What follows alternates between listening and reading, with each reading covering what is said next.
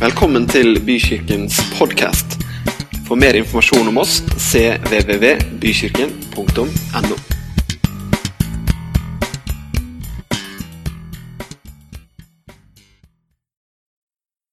Dere, i dag eh, Dette her Dette bruker vi utrolig mye, rett og slett. Vet du hva jeg gjør hvis ikke jeg har sånn? Da tar jeg fram mobilen og så tar jeg en selfie. Eller i hvert fall skrur på kameraet, snur kameraet for å sjekke liksom, åssen er luggen. Are gjør ikke det. Men altså, vi bruker dette her speilet på så utrolig mange måter. Tenk dere før i tiden. Det eneste muligheten da det var hvis du var ute og gikk, og da det regna, så var det en pytt, og så fikk du kikka ned, og så måtte du gå videre. Ja, men det er sant. Det var sånn før. Det var, det, det var liksom sånn 1200-tallet eller et Da begynte de å produsere glass ikke sant, i Italia. Og så kom liksom speilet. Og det revolusjonerte jo hele verdenshistorien. På 1400-tallet vet du hva de gjorde i de store palassene? De bar kunsten ut og hang speil opp isteden. De gjorde det. Og siden så har det bare gått slag i slag, og, og speilene har blitt flere. Og noen av disse som var litt høye på seg sjøl, de fins det mange av i vår generasjon, men de har finnes i andre generasjoner òg. De bytta jo tapeten med speil! Hørte du det, Julia? Det kunne vi gjort på den veggen vi lurte på hva vi skulle gjøre med. Personlig så blir jeg sliten hvis det er for mange speil i et rom. Det hender at jeg blir litt sånn, litt sånn, Men uansett, vi bruker de her speilene hele tiden. Og ikke bare de fysiske speilene, som er liksom glass med en mørk bakgrunn, og som gjør at vi kan se hverandre mer eller mindre eh, klart og tydelig alt ettersom. Dette her vaska jeg faktisk til morgen i dag. Jeg tok en sånn veldig rask kattevask. Det er nesten helt blankt. Men det er nok til at jeg ser meg. i hvert fall. Men så har vi alle de andre speilene og Hvis vi da tenker oss at et speil er noe som sier noe om hvem vi er, så er det jo ikke bare de fysiske speilene, men det er også alle menneskene rundt oss. Det er samfunnet rundt oss, det er trender, det er mediebilde, det er sosialt mediebilde. Det er så mange ting som vi speiler oss i. Og vet du hva? Det er faktisk ikke uten komplikasjoner. Jeg leste en interessant artikkel av en psykiater og forfatter som sikkert mange av dere også har, har lest, fordi at han eh, verserer mye i Aftenposten. Og Jeg har lyst til at vi skal bare få et sitat Kristoffer, eh, fra, fra, noe han skrev for en stund siden. Finn Skårderud, dere har lest noe av han? Populær spaltist. Han skriver speilet er et avansert redskap for at jeg skal skape min forestilling om meg selv. Du verden.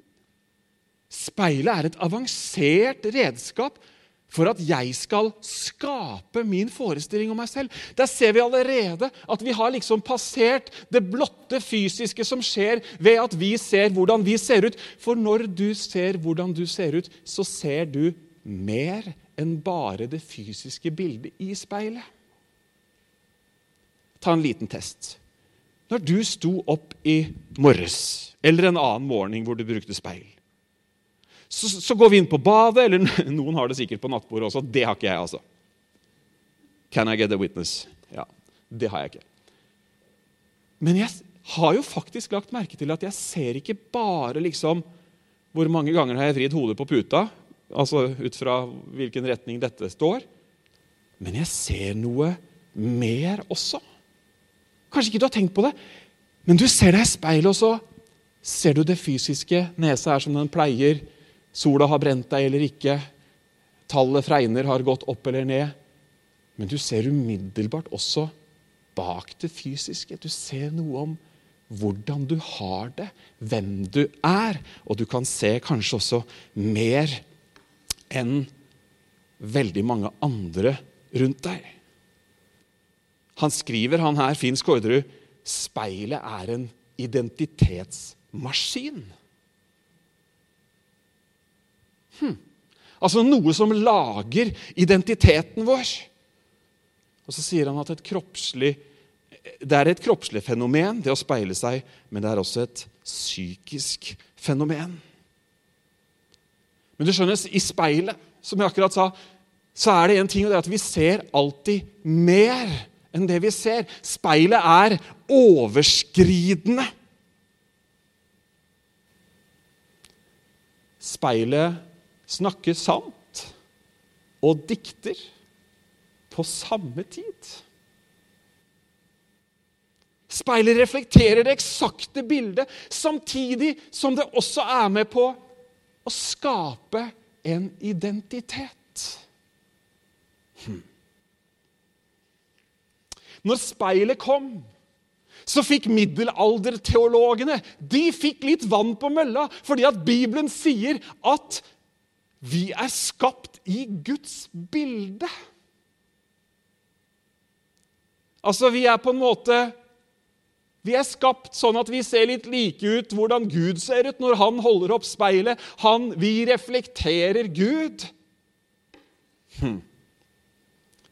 Teologene snakket konkret, og de snakket i bilder. Og sa at speilet er et teknisk under, men det er også et bilde av at den menneskelige sjelen er en avspeiling av det guddommelige. Hmm. Så er vi kommet til 2020. Og ikke bare var det de høye herrer som var eh, høye på seg sjøl, som fikk speil inn i alle sine rom. Men mer og mer men allerede da så vi det, men mer og mer så har livene våre blitt et prosjekt der hvor vi forsøker å skape vår egen identitet. Vi forsøker å skape et bilde av oss sjøl. Hvem vil vi at andre skal oppfatte oss som? Hvordan skal vi være? Hvordan skal vi leses av situasjonen rundt oss? Og det har blitt vårt store prosjekt. Speilet blir et redskap for denne indre dialogen, prosjektet om meg selv. Hmm. Det kan bli litt for mye av det gode. Før i tiden så hadde man ikke speil på mentale institusjoner. Man mente at det var skadelig, men så gjorde man om på det, og nå fins det speil også. Man tenkte på faren ved, ved, ved skader osv. Men man tror at det også er sunt å se sitt eget speilbilde. Og vi kjenner det fra pedagogikken, fra barns utvikling. Hvor viktig er det ikke at et lite barn får speile seg i mammas ansikt? Barnet trenger ikke bare brød og vann eller melk eller næringsstoffer, men det trenger også et ansikt med mimikk som uttrykker noe, og som bekrefter det andre mennesket. Vi trenger bekreftelse, vi trenger å se, og vi trenger å bli sett. Speilet er en, et avansert redskap for at jeg skal skape min forestilling om meg selv. Man blir litt lik den man er sammen med. Jeg har sett noen ektepar de har til og med begynt å bli fysisk like med åra. Men om det er en blanding av det ytre og at begge har grått hår, eller om det er en kombinasjon, eller jeg tror heller det er en kombinasjon med at man blir likere den man er sammen med, så det handler om mer enn bare det man ser, men det handler om det som er bak det man ser. Fordi man har liksom snakka gjennom alle ting, osv. Speilet er viktig. Det tror jeg vi har slått fast nå. Og Jeg har lyst til å dele et vers med dere i Bibelen hvor akkurat dette med speil eh, nevnes. Og så skal vi ta det litt videre derfra. Vi kan slå opp sammen i Jakob 1. Der står det om et speil. Vi skal lese sammen. Det er fra 2011-oversettelsen. Jakob 1, 22-25. Dere må gjøre det ordet sier, ikke bare høre det. Ellers vil dere bedra dere selv. For den som hører ordet, men ikke gjør det ordet sier, ligner en mann som ser på ansiktet sitt i et speil. Han ser på det, går sin vei og glemmer straks hvordan han så ut. Men den som ser inn i frihetens fullkomne lov og fortsetter med det, blir ikke en glemsom hører, men en gjerningenes gjører. Et slikt menneske skal være lykkelig i sin gjerning. Jakob snakker her om en kobling som jeg har utrolig sansen for, og som jeg er så glad for at faktisk er der. Hvis ikke den hadde vært der, så hadde jeg egentlig ikke eh, kunnet jobbe med det jeg jobber med, eller snakke om det jeg snakker med. i det hele tatt. Men Jakob snakker om en kobling mellom det vi hører, og det vi gjør. Jakob snakker om at det må være, og det her går igjen i Jakobs brev i flere kapitler Han snakker om at det må være en sammenheng dere, med hva vi sier at vi tror på, og det som folk der ute ser. Hvis det ikke er sånn, sier Jakob, så er vi akkurat som en mann som ser seg i speilet, glemmer hvem, han er, og så fortsetter han som om han ikke har sett noe i speilet i det hele tatt. Dere må gjøre det ordet sier, ikke bare høre det, ellers vil dere bedra dere selv. Kanskje vi tenker i 2020 at vi er opplyste mennesker, og at vi ikke lar oss bedra av noe som helst, for vi kan jo sjekke opp alt på Google. Vi kan jo, vi kan jo finne ut det meste, og vi kan sjekke ut sannhetsgehalten i det meste og liksom finne ut ja, nei, dette er dokumentert. Ikke sant? Likevel, dere kjære venner, så er det sånn at mennesket har den evnen at, den kan, at det kan la seg lure. Har du blitt lurt noen gang? Er det noen her som har hørt at strutsen graver hodet i sanda? Er ikke det spesielt? Mange har hørt at strutsen graver hodet i sanda. Er dere enige i at det liksom er et, et, et, et, merkelig naturfenomen? Hvor mange er enige i at det er et merkelig naturfenomen? Men da må jeg avsløre at strutsen graver ikke hodet sitt i sanda. Ja, det har du trodd. Hvor mange ærlig oppriktig inntil jeg sa det nå, har trodd at strutsen er en fugl som i ny og ne graver hodet ned i sanda? Ja, Vær litt ærlige nå, da. Og det er ganske mange voksne, godt voksne mennesker også som har gått rundt og trodd at men strutsen graver hodet sitt i sanda. Det er aldri en struts som har gravd et eneste hode i sanda. Kanskje noen har gravd hodet til en struts i sanda, men det må ha vært etter den er død eller lenka til bakken. Med andre ord, det finnes en mulighet for at til og med du kan la deg lure. Det var veldig enkel, den øvelsen, altså. Du tenker kanskje jeg er jo ikke så, jeg er ikke så, så lettlurt vanligvis, men, men, det er jo så morsomt hvordan vi kan gå rundt og det er det som er poenget mitt, vi kan gå rundt og tro at noe er sånn, og så er det ikke sånn. Skal jeg fortelle dere hvorfor man går rundt og tror at strutsen graver hodet i sanda? Eller det, skal vi ta det over kaffebordet? Skal vi gjøre det? Strutsen er i utgangspunktet en veldig sky fugl. I vitenskapelige studier, observasjoner av vill struts, så var det nærmeste man kom hunnstrutser 636 meter. Det nærmeste man kom hannstrutser når man begynte å forske på det, var over 900 meter. Og på 900 meters hold så kan det se ut som noen stikker hodet i sanda når de egentlig stikker ned og fyller munnen med gress. Det er fint med litt sånn naturfag en søndag formiddag. Nå kan du briljere over lunsjen i morgen. Poenget mitt dere, er ikke å si at vi mennesker er dumme. Poenget mitt er at vi som mennesker vi kan la oss lure. Vi kan rett og slett bli bedratt. Jeg kjenner noen her som har blitt lurt av folk som handler med dem på Finn. Jeg har blitt lurt sjøl en gang eller to. Det er veldig lenge siden nå, det, og jeg slutta med det. Men det kan skje. Og sånn er det også når det gjelder åndelige ting. Eller teologiske ting. Vi kan gå rundt og tro at noe er sånn, basert på ikke noe annet enn observasjoner på 1000 meters hold. Ikke sant?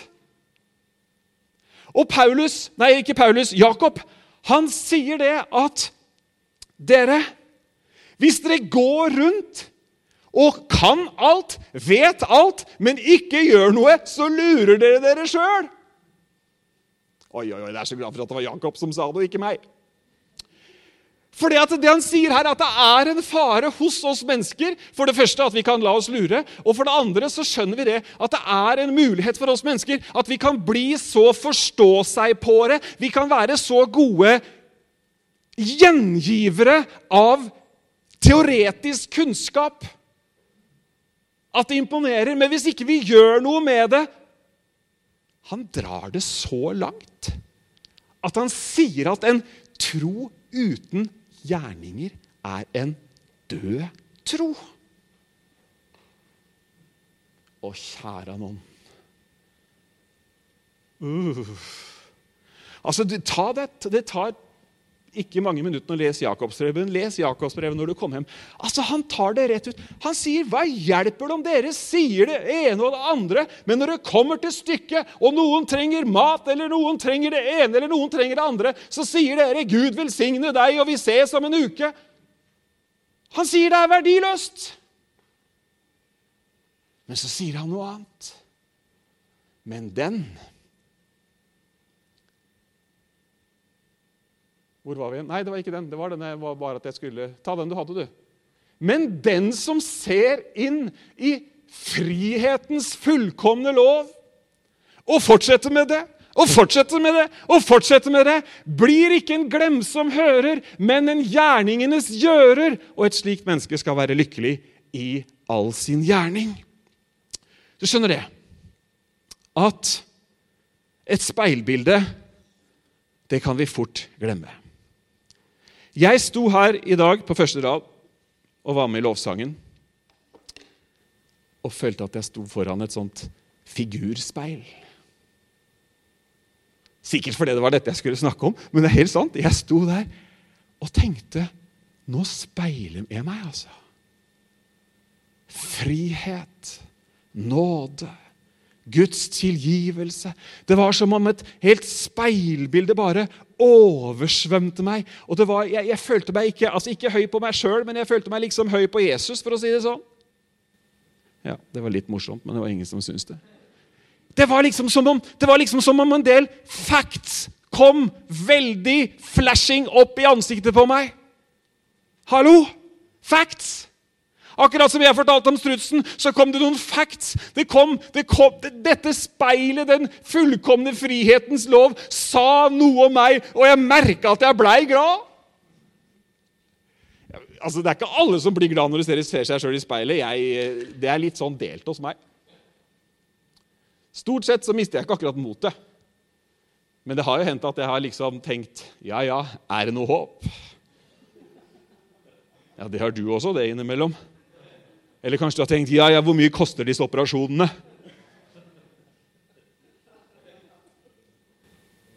Men dere Det er så mange speil rundt oss. Det er så mange speil rundt oss som sier noe til oss, og som har ord på seg for å være fakta. Som har ord på seg for å være sannhet.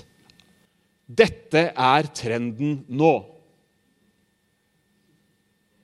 De ordene har altfor mye makt over altfor mange mennesker. Eller alle gjør dette.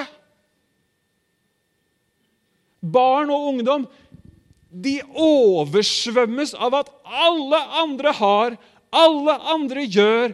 Sånn er det. Det er vanlig nå. Det er vanlig nå. Og så skal man liksom forsøke å skape sitt eget bilde med denne maskinen. Skape sin egen identitet. Dere vet hva? Det er så utrolig viktig at vi drar fram et speil som heter frihetens fullkomne lov. Og så finner vi ut hva det speilet sier om oss. Og vet du hva? Det speilet det sier noe helt annet om oss enn veldig mange andre ting. Vi sang det her. Jeg husker ikke teksten, men det var et eller annet med at Faderens armer er åpne, vidt mot oss. Man kan snu seg mot noen venner og føle at det er ikke, det er ikke et åpent øye engang. Man kan snu seg mot det ene, man kan snu seg mot det andre. Men dere, det finnes et speil som sier sannheten om hvem vi er. Og vet du hva?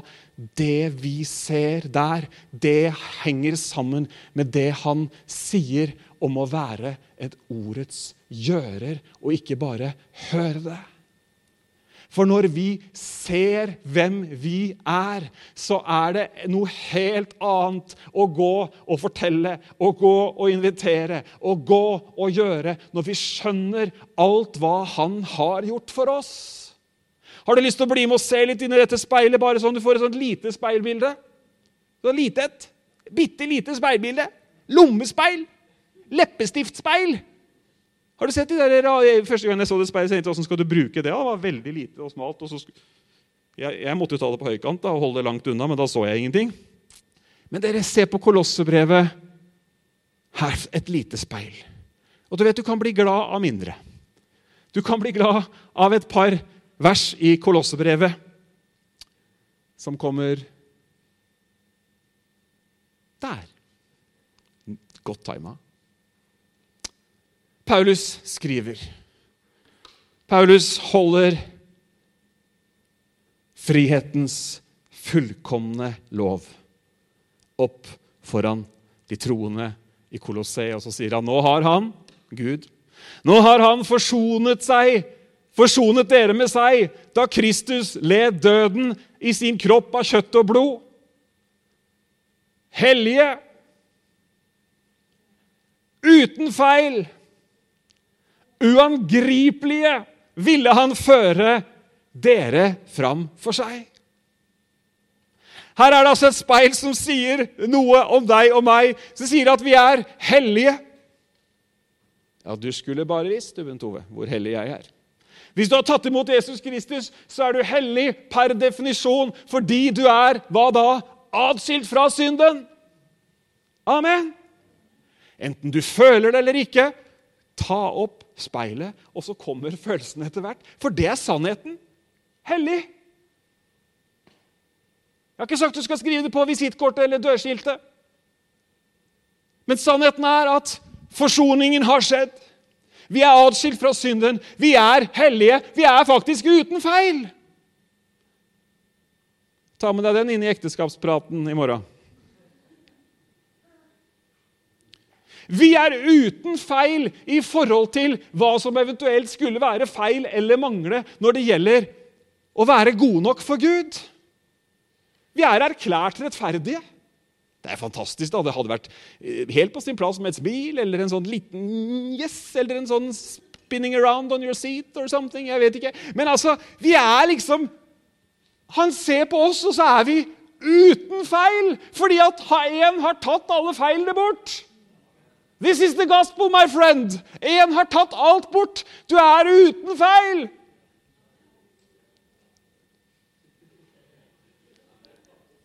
Halleluja, men ikke si det til noen, da. Det er kjempebra, men ikke, ikke, ikke si det for høyt. Der forsvant teksten min nå. Den kommer sikkert tilbake. Men uten feil. Og så sto det uangrip... Ja, uangripelige! Paulus sier et annet sted hvem vil angripe? Nei, hvem vil anklage? Guds utvalgte. Gud er den som rettferdiggjør, står det i Romerne 8. Så med andre ord så kan man se seg sjøl i speilet. Takk, kjære Jesus, for at jeg er hellig fordi at du døde og betalte prisen for meg. Amen. Takk, kjære far, at fordi du sendte Jesus for å dø i mitt sted, så tok han alle mine tilkortkommenheter. Jeg sa alle. Han tok all min synd. Jeg sa all. Han tok det på seg, og så er jeg erklært rettferdig og står framfor Gud uten feil. Det er mange ting som prøver å fortelle oss hva slags identitet vi har. Det er mange speil som prøver å skape vårt selvbilde. Men vet du hva? Han sier her La oss se inn i det speilet som kalles frihetens fullkomne lov. Det er et deilig uttrykk. Det er på høyde med tyngdekraftsloven, dere. Det er helt på høyde med tyngdekraftsloven. Tyngdekraftsloven den kan du like eller ikke like. Den funker! Amen! Den funker! Den er jo sann, er den ikke det? Ja. Nei, jeg tror Jeg tror ikke det, altså. Tror, jeg, jeg tror ikke på tyngdekraften. Men en lov er en lov, og ikke en følelsesbeskrivelse. Den som ser inn i frihetens fullkomne lov en gang Nei Å fortsette med det.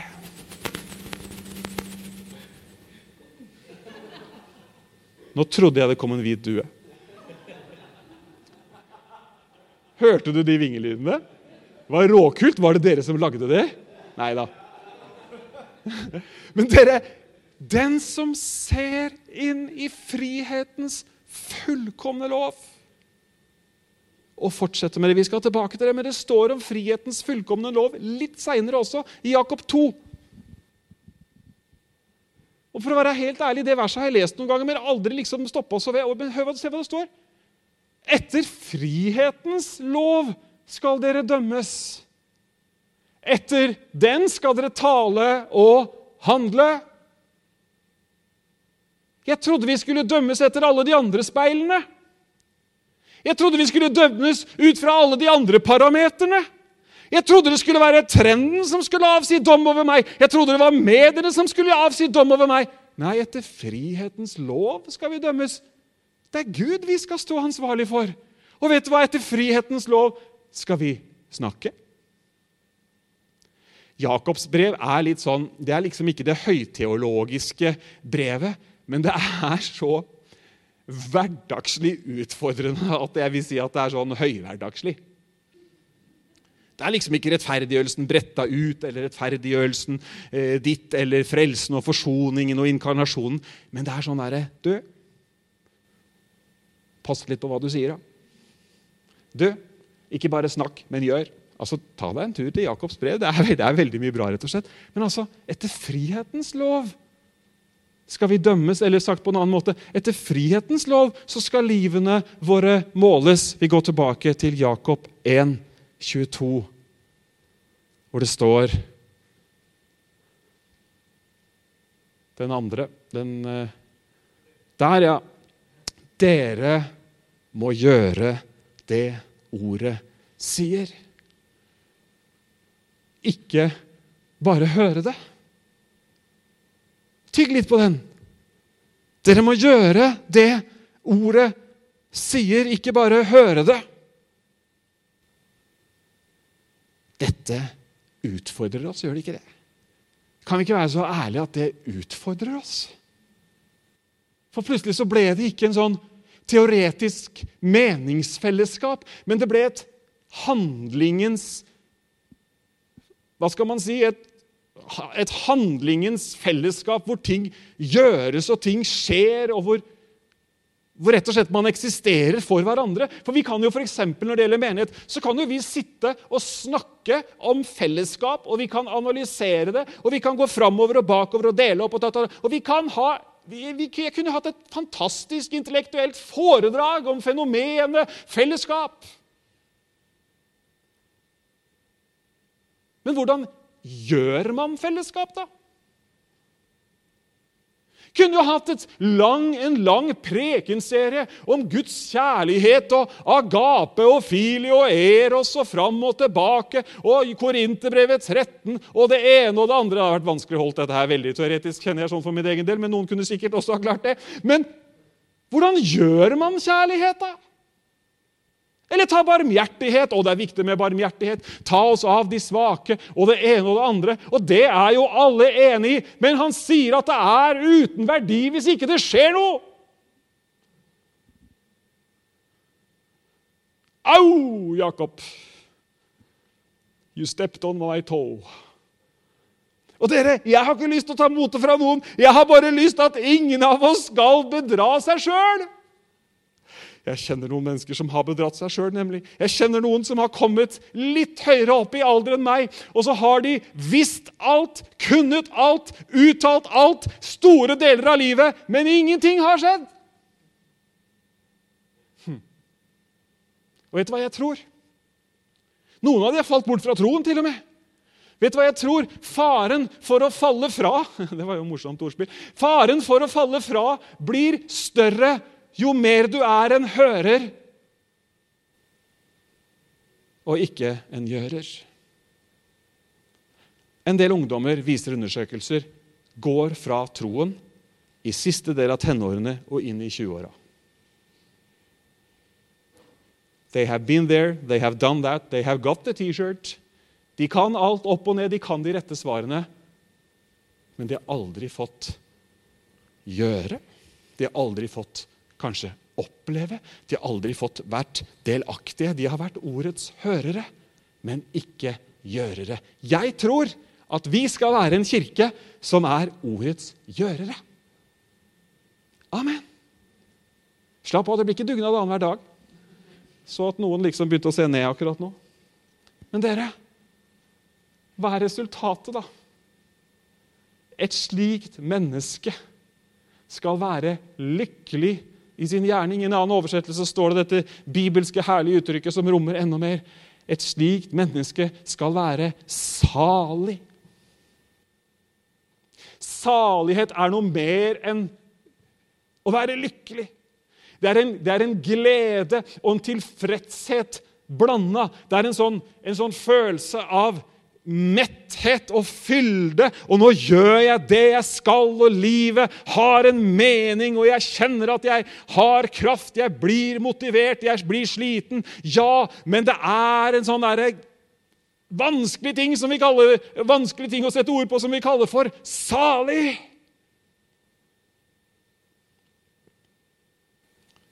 Salige visshet. Jesus er min. Salig er det mennesket, står det i Salme 1. Det er en annen preken, den tror jeg ikke vi begynner på i dag, for nå er klokka halv ett. Men dere, den som ser inn i frihetens fullkomne lov og fortsetter med det, blir ikke en glemsom hører, men en gjerningenes gjører. Som andre ord så har denne boka her Kraften i seg, Jesu ord. Noen lurer jo på hva er frihetens fullkomne lov. Noen har forsøkt å definere det som det dobbelte kjærlighetsbudet eller det ene eller det andre. Men man kan ikke komme utenom at det må være helheten i budskapet som denne boka bringer. Den som ser inn i frihetens fullkomne lov og fortsetter med det blir ikke en glemsom hører. Kunne stått på en annen måte blir ikke uten frukt.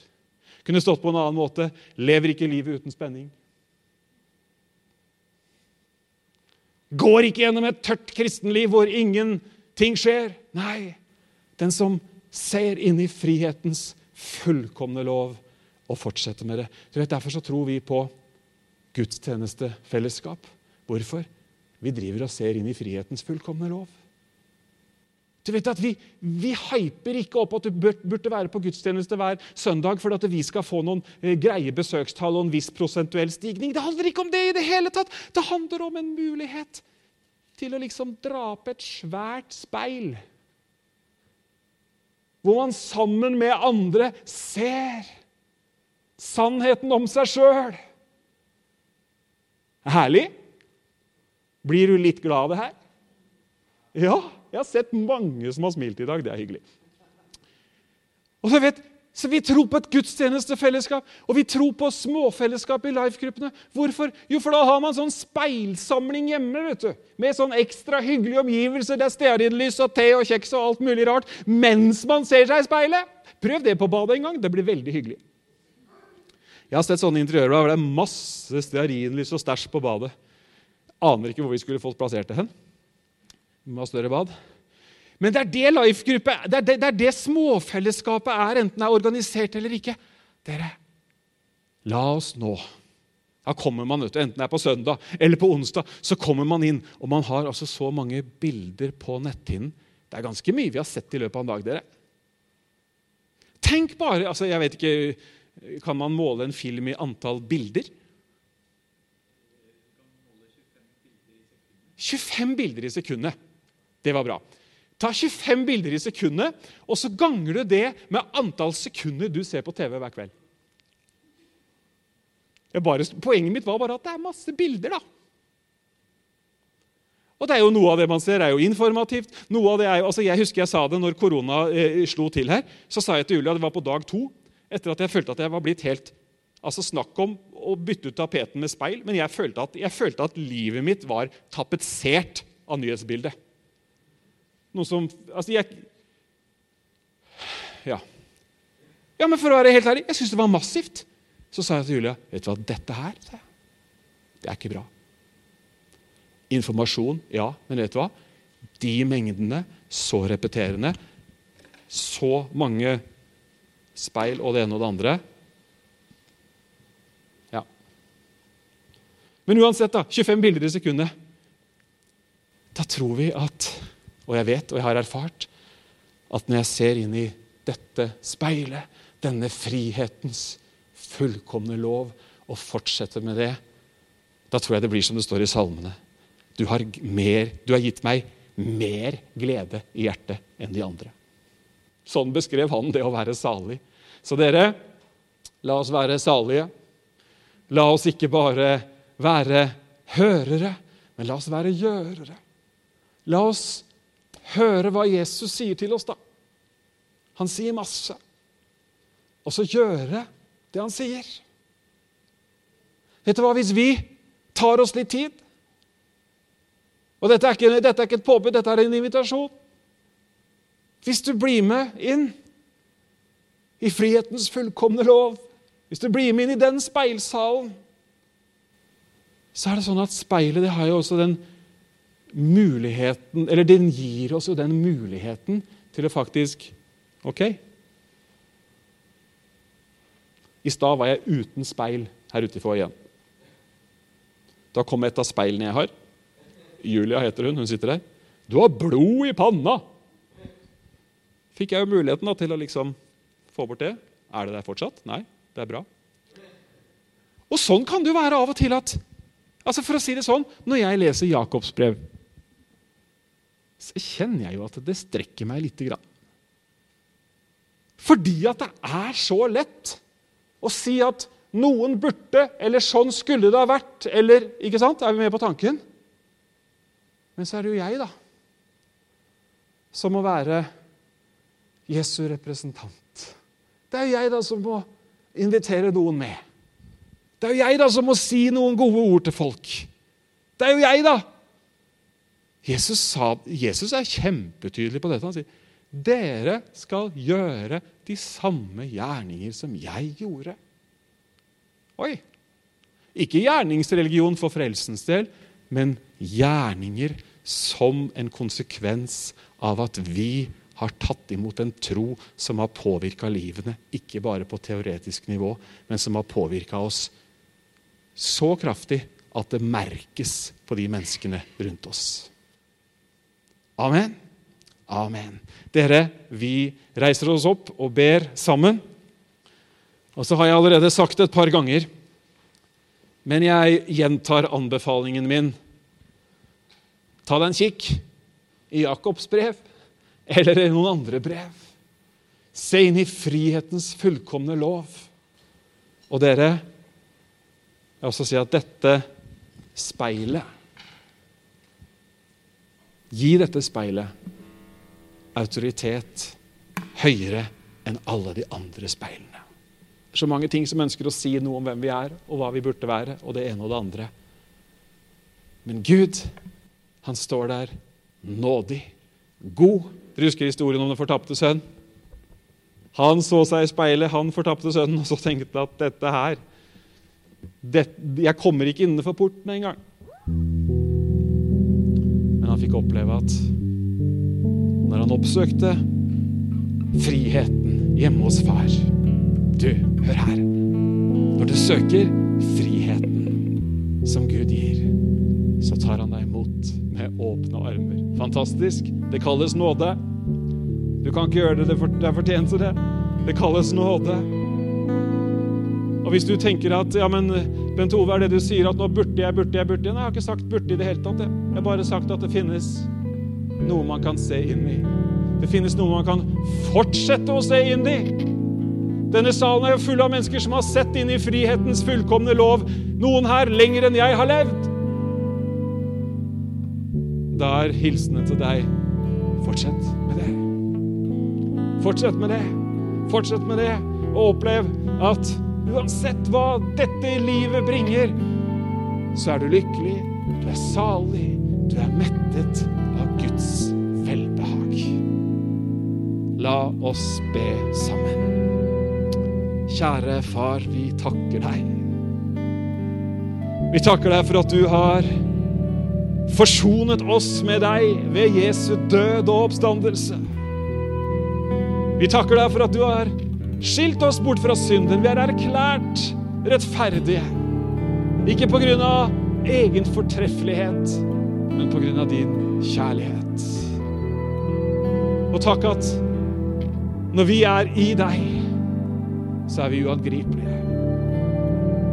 Ingen makt, ingen myndighet ikke noe som er i denne tiden eller den kommende tiden, skal kunne skille oss fra Kristi kjærlighet. Nei, han er over! Halleluja. Takker deg for hver eneste en av mine brødre og søstre som står her nå. Og andre som er en del av vårt fellesskap. Og andre brødre og søstre som ikke er en del av vårt fellesskap, men som tilhører den samme familie.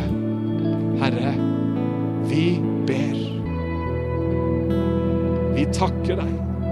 Vi ærer deg for at vi kan få se inn i frihetens fullkomne lov. Og la, la oss hjelpe oss til å hjelpe hverandre, så vi kan heie, så vi kan støtte, sånn at vi fortsetter med det. I Jesu navn.